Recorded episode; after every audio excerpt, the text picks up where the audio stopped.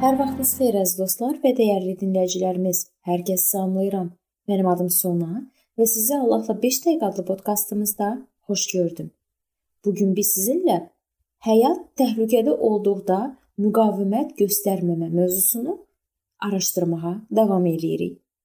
Heç də uzaq olmayan illərdə Tennessee ştatındakı həbsxanadan bir neçə məhbus qaçmışdı.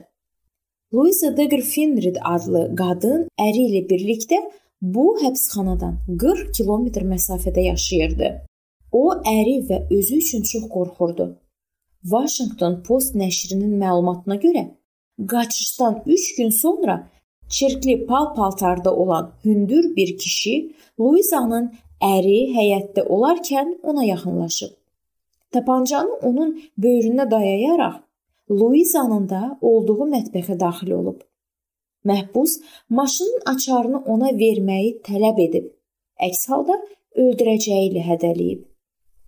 Əri maşını gətirmək üçün həyətə çıxıb.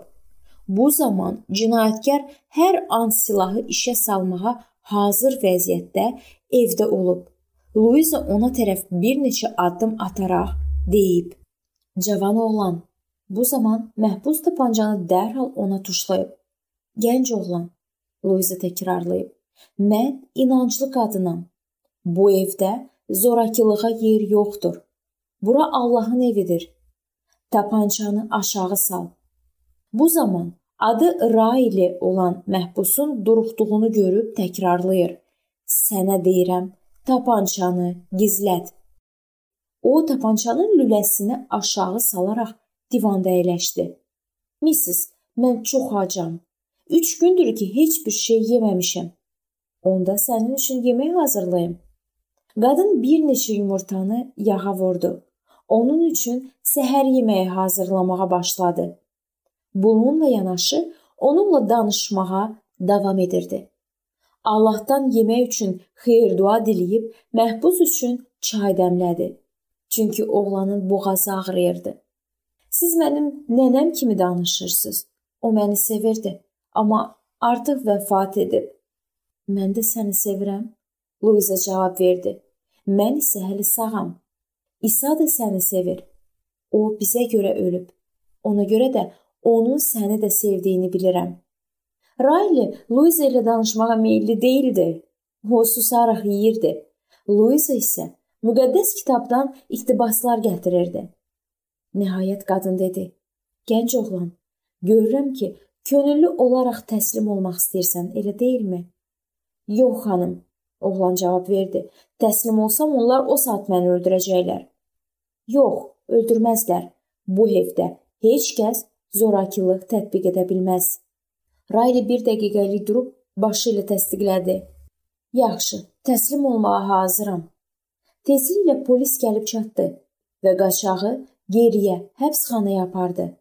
Luizanın da duaları onunla birlikdə ora yollandı. Heç kəs əvvəlcədən həyatı üçün təhlükənin nə vaxt və harada yaranacağını bilmir. Amma ürəyimizdə İsa'nın bu sözlərinin ardınca gedəcəyimizə qəti əminlik olmalıdır. Yazıb düşmənlərinizi sevin. Gəlin bu sözləri bizim də həyatımızda ən çətin anlarda unutmayaq və həyata tətbiq edək.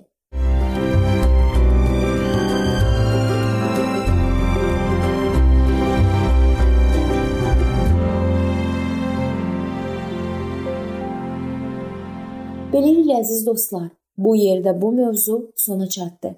Hər zaman olduğu kimi sizi dəvət edirəm ki, Bizim podkastlarımızı Facebook səhifəmizdən və YouTube kanalımızdan dinləməyə davam eləyəsiniz.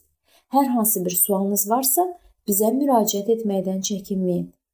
İndi isə mən sizinlə sağollaşıram və növbəti görüşlərdə görmək ümidi ilə sağ olun, salamat qalın.